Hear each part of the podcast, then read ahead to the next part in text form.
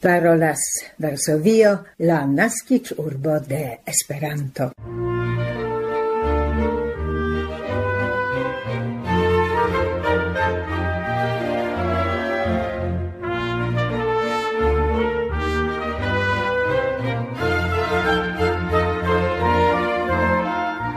Goran saluton carei auscultantoi en la 1230 Esperanto el sendo el Varsovio, por kiu la kvinan de marto 2023 invitas vin Barbara Pietrzak, Milada Szwedo, Pamela Krzypkowska, Krystyna Grochocka, Maciej Jaskot kaj Rico Giacometto. Ni proponas en la comenzo kultur kronika in informoin kai sekve Fenietonon pri Koninda Polo.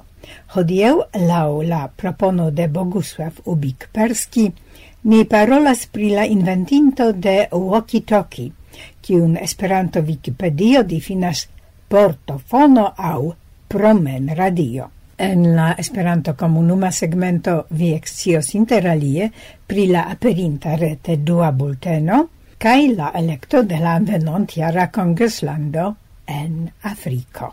La sendon ne comenzas per kulturkronikaj informoj.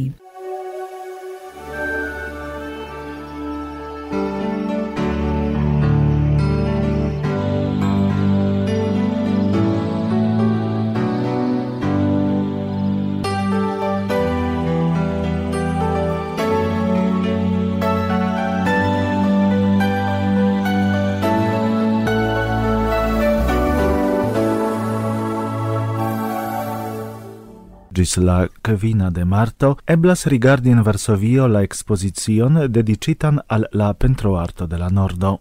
La exposizio prilaborita de la Nazia Museo in Varsovio, cune cun la Art Museo en Gotemburgo, estas la unua tiom amplexa prezento de la nordia arto el la limperiodo de la decnaua kaj dudeka jarcentoj en enia parto de Europo. La exposizion havas pli ol cent verkoin de pentristoj de ĉi tiu periodo el Danlando, Finnlando, Islando, Norvegio kaj Svedio. Temas pri pentraĵoj interalie de Edvard Munch, Wilhelm Hammershøi kai Karl Larsson, kiu proximigas al la publico historion kai kulturon de citiu landoi. La expozicio havas ankaŭ pentraĵojn de polaj pentristoj kiel Olga Boznańska, Józef Chełmoński, Józef Mehoffer, dankel kio la publico povas malkovri iujn similecojn inter la pola kaj la nordia pentroarto. La expozicio casa sub la honora patroneco de la dana, finna, norvega kaj sveda ambasadoj kaj de islanda honora konsulejo en Varsovio.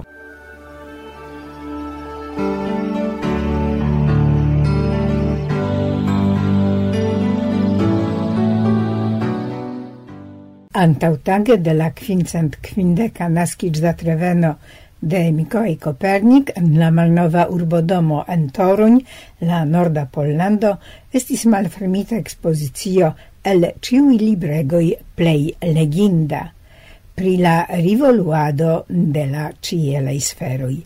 Gien havas sepeldonoin de Kopernik verko, el la dexesa cae dexepa iarcentoi. gis la dudecunua de februaro gi estis disponigita al la gastoj de la Monda Copernic Congresso. Poste gis la oca de maio povas rigardi gin ciui visitantoi. En la expozicionen conducas afficioi pri conservigintai dec quar exempleroi de la unua eldono de De Revolutionibus Orbium Celestium en la polai bibliotecoi de Krakovo, Wroclavo, Poznano, Toruno, Varsovio, Kurnik kaj Płock. En la dua parto de la exposizio, en la regia salonego de la Malnov urba urbodomo, trovigas tri unuai eldonoi de la fama Copernic tractato el Nurimburgo 1543. Du exempleroi, tri exempleroi de la du eldono el Basileo 1566, cae du exempleroi el la tria eldono en Amsterdamo el 1617. La tria parto de la expozicio estas dedicita al la evoluo de la scienco sekve de Kopernik malkovroj. La kvara expozici parto klopodas bildigi kiel la verko de Kopernik estas perceptata en la nuntempa mondo.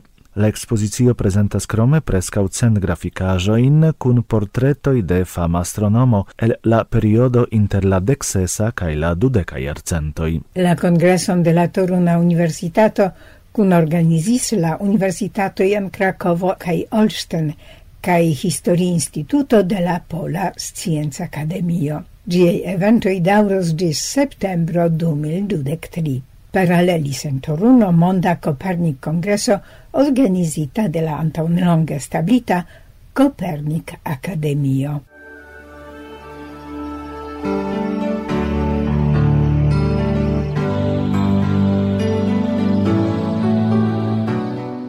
Pola Poŝto kunlabore kun la Muzeo de Krakovo encirkuligis por okazajn poŝtmarkojn bildigantajn kristnaskajn kripetojn laŭreatojn en la konkurso por krakovaj kripetoj en 2021. Pere de ĉi tiu poŝtmarka serio, la Pola Poŝto laŭvican fojon referencas al la riĉo de la pola kultura heredaĵo. La poŝtmarkoj estis eldonitaj en tri versioj, prezentante in de Józef Madej, Kazimierz Stopinski kaj Zbigniew Gilert. En iliaj plurnivelaj construajoi estas rekoneblaj miniaturaj elementoj de la historia arĥitekturo de Krakovo en la kristnaska scenaro. Ciu el la poŝtmarkoj estis emisiita en la kvanto de cent dudek mil exempleroi. La konkurso por la Krakovai kristnaskai kripetoi estas organizata ekde 1937. Siajn kripetojn la meti artistoi tradizie dislocas ce la piedoi de Adam Mickiewicz monumento,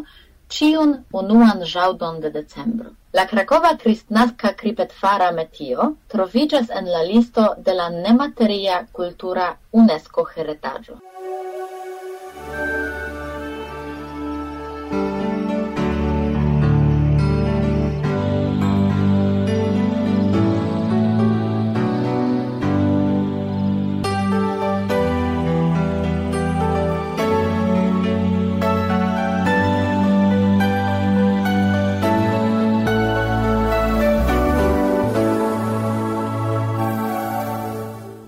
parolas Pola Retradio en Esperanto. Nič, au nur malvarmo, preč, au nur alarmo, hom, restas sola spuro, dom, ne fracasi muron, žetien fajron, oferum citiun, la universon sen zorgon pri iu, vi ne kuraĝos kaj tion vi scias mem.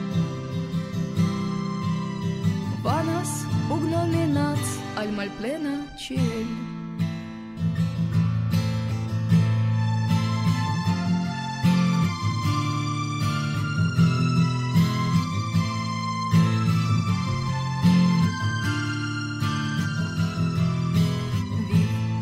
Primitiva șerțău, timp, kai agresivețău, vii, nu renon vidas vii, Aina lumi lindigas, sola esper Că cel fin de tonelo Vinia mă tendas la blanca cae bela Cae pașon nu anel mort Povas fari dimem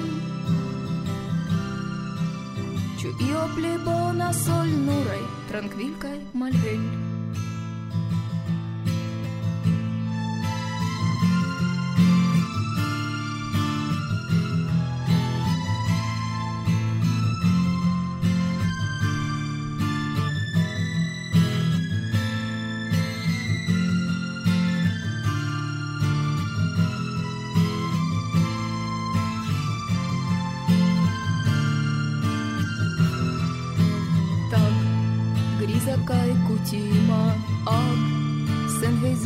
l'ultimo salt de sorrando de pegment cae morelli silent senza malaperis la blanca costumo cae vivo ridegis sopra dio del suno triumfe rigardis girecte al via visage Forestas la fina de nia la ronda voyage. Hodiau en nia musica ero ni proponis fragmente la kanzonon de Helena Melnikova, Masko. Varsovio daurigas la Esperanto-elsendon.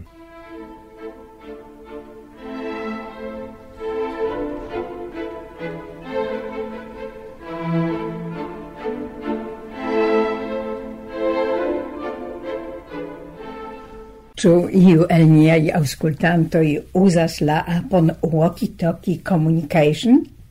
Iom retorika demando sed aliflanke mi mem memoras walkie-talkie komunikilon, kiu rolis kiel ludila radiotelefono, surrogato de telefono, kiun mi siatempe usis kun mia filino. Walkie-talkie, en Esperanto Wikipedio difinata kiel portofono au promen radio, estas la dissenda kaj riceva aparato por komunikado inter du au plurei personoi. La nomo portofono estas plej parte uzata inter profesiaj uzantoj de krizaj servoj. Per portofono eblas aŭskulti aliajn uzantojn kiuj aŭskultas per la sama frekvenco. Unu persono povas paroli premante butonon, sed tiu ne povas aŭskulti la aliajn uzantojn, kai tiui ci anca ne povas sendi samtempe messaggioin per la apparato. Ec se neniu alviega signoroi usas la apon walkie-talkie, cae eble nur ce fatraso trovidas la malnova ne plu usata infana elektronicajo, usanta la mallongain ondoin, nesen cause ni parolas hodiau pri walkie-talkie. Cun walkie-talkie, kiu lodis grandan rolon sur la batalcampoi de la Dua Milito, ligigas la figuro de nia hodiaua felietono, kie silueton sugestis al ni proximigi Bogusław Ubik Perskim. Henryk Magnuski, czar prelite mas, naskigis la 30 de januaro en 1909 en Varsovio. Relative baldau mortis liei gepatroi, cae do ec de la junaggio li devis entrepreni laboron por vivteni sin cae ancau sian fratinon. Lia occupo estis la instalado cae riparado de radioapparatoi por la polei armei fortoi. Tiam sendube li ne povis antaŭvidi, cion forte cun tio estos ligita lia estonta vivo. En la intermilita periodo 1939 Henrik Magnuski finis studoin en la Varsovia Politecnico, cae sekve comencis laboron en la stata tele kai radiotecnica entrepreno. Somere de la 1939 jaro Magnuski estis offic directita l'Usono por conatigi cun musonei atingajoi rilate la radioaparatoin. Tie surprisis lin l'explodo de la dua Montemilito, mal ebliganta la revenon La sekvan jaron, en 1940, li komencis labori en la telekomunika konzerno Galvin, sep jarin poste ŝanĝiĝinta sian nomon al Motorola. Magnuski tre rapide montris tie siajn inĝenieriajn talentojn. Kiel lia unua grava inventaĵo estis konsiderata radiotelefono Socoro Quintrises, difinata kiel handitoki. Temis pri malpesa aranĝaĵo ĉirkaŭ du kilograma, rezista kaj eltenema en diversaj atmosferaj kondiĉoj. Ĝia atingopovo egalis nur al kvar kvin kilometroj. Ekde decembro 1941 ĝis la militfino oni produktis pli ol cent mil exempleroin. Samtempe la militista departamento de la Uson Armeo al Motorola prilaboron de la unua portebla radiostazio. Sub la gvido de Henrik Magnuski kaj lia kolektivo tio brile sukcesis, kaj tiel creigis la modelo SOCO RO 300, difinata giuste kiel walkie-talkie. Tiu radio-telefono gis hodiau estas opiniata kiel la plej grava inventaĵo de Magnuski. Gi estis ankaŭ unu el la pionirei aranĝaĵoj utiliganta la sendratan komunikadon. Magnuski ricevis tri patentumojn ligitajn kun ĝia elkonstruo la aparaton, preservatan de du soldatoi, kiu pesis dek sep kilogramojn, eblis transporti en speciala dorsosako, kaj ĝia atingopovo egalis al dek kvin kilometroj. Ekde 1943 ĝis la militfino Motorola produktis ĝin en la kvanto de kvardek tri mil exempleroj. Ili estis applicatai sur la batalcampoi en Europo, cae en la regiono de Pacifico, cae ancau en postmilitei conflictoi. Usis Uzis ĝin artilerio, blendarmilaj trupoi cae infanterio. En molte multaj milit temai filmoi rilatantaj al la dua mondmilito videbligas practica applico de citiu apparato. Alia grava verco de Magnuski estis mallong onda radia lungturo – por helpi al pilotoi retrovi shipoin case de malbona videbleco au en noctei condicioi. Per siei tridec patentoi, Magnuski alportis grandegan influon je evoluo de telecomunicado. Sufficias diri che por evoluigi la nuntempa in sistemoin de cella telefonio oni usis sep aliein patentoin de la polo. Magnuski autoris multajn publikaĵojn en facei revoi kaj chapitroin en la libro electitei problemoi de elektroniko kaj telecomunicado en honorlibro por profesoro Janusz Groszkowski kai en lernolibro pri la ingegnerio de computilei sistemoi. Magnuski emeritigiante estis esplor faca directoro en Motorola. Li mortis en 1970. Lia nomo en la 2006 estis registrita sur la honora listo de ingenieroi de Illinoiso. Lian nomon portas ancau catedro en la facultato pri electrei cae computilei scienzoi de la loca universitato. Molte ingenieroi en la mondo cerbumis pri taŭga aranĝaĵo por recta distanza comunicado, Tamen nur la collectivo establita en Galvin, Motorola, laboranta sub la gvido de Henrik Magnuski, construis la unuain mallonca ondain radiostazioin kiui servis same kiel riceviloi, kiel ancau emisiiloi. Do, quancam laboroi de aliei specialistoi ancau rilatis al mallong ondai comuniciloi, Tamen aranĝaĵoj, en kiuj oni uzis la patentumitajn inventaĵojn de la pola radioinĝeniero, estis la plej popularaj kaj plej alte taksataj kaj pro tio oni nomas lin la inventinto de walkie-talkie.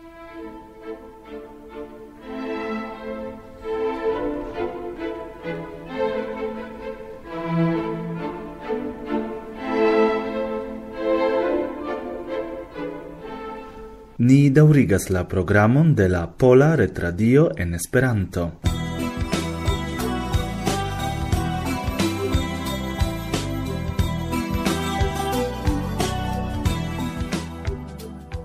Comence de marto aperis la dua bulteno de la cent oca universala congreso de Esperanto en Torino, por kiu gis tiam aligis jam pli ol occent personoi. Nuniare la bulteno estas consultebla nur en la elektronika formo, sed kiel kutime gi enhavas multain utilain informoin. La mendilo por hoteloi, ciui excursoi, banchedo, ec funcios tre baldau. Ciu congressano ricevos personen ligilon al gi.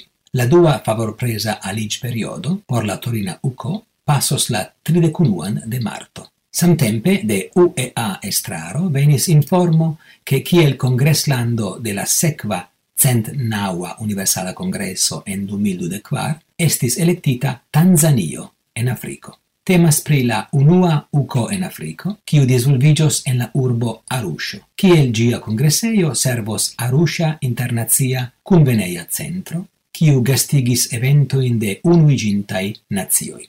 La congressa faco cae la estraro de UEA kunlaboros cun ciui partioi ligitai kun la ocasigo de la UKO, tiui de la Esperanto-movado, tiui de loca instancoj en Tanzanio. Arusho, jam antaŭ kelkaj i gastigis la quaran African Congresson de Esperanto. En gia resulto aperis la ideo organizi la unuan universalan kongreson en Africo. La regiono de Arusho trovigas ce la orienta brancio de la Granda Riftvalo en modera climato, ca estas enlogiata de pli ol du milionoi da homoi. Arusho proximas al multai turismi atrakciaj locoi, kiel la Nacia Parco Serengeti cae plurai aliai. Gimem logas turistoin el la mondo. Siajn sideioin havas en ĝi Orientafrika Comunumo cae Africa Cortumo de Africa Unio. La invito de Esperanto Asocio de Tanzanio, congressi en Arusho, sequis post multjara laboro de la Afrika Komisiono de UEA, kiu plenumis la taskon kunordigi la Afrika Inlanda in asocioin por electi la invitanton de la unua universala kongreso de Esperanto en Afriko.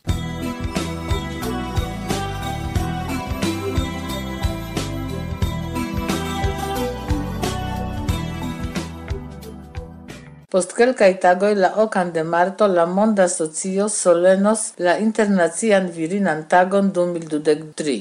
Tiu ocase Universala Esperanto Asocio salutas virinoin tra la mondo kaj sian por ocasan mesaĝon transcendis anticipe al la unuiĝintaj nacioj. UEA deklaris en gi ke esperantistoj daurigos kaj intensigos laboron por virinai raitoi kaj por pribonigo de la situazio de virinoj kaj knabinoi tra la mondo kunlabore kun aliai civil sociai organizoi. Sekve UEA en sia 1906 gazetara comunico referencis alla historio, historio, kiam postmilite en uno estis starigita commissiono pri la statuso de virinoi por sequi kaj dokumenti la staton de virinaj rajtoj tutmonde.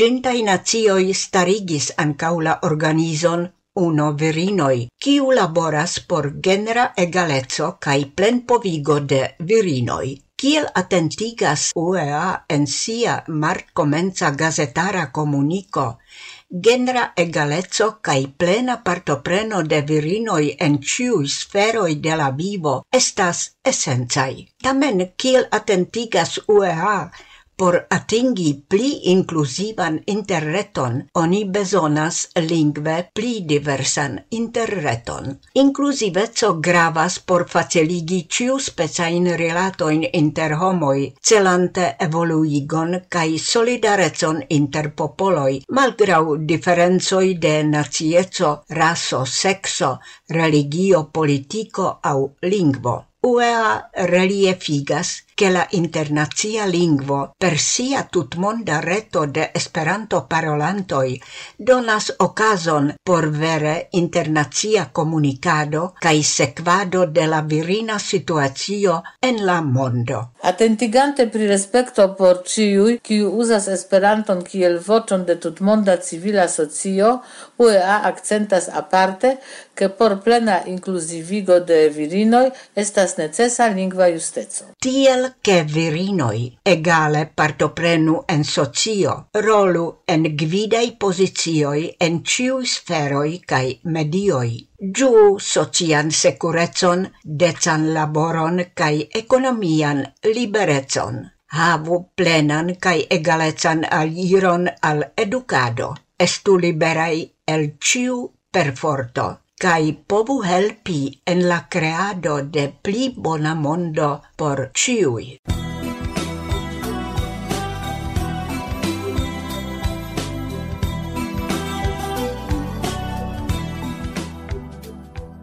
Parolas Esperanto Radio, Varsovio.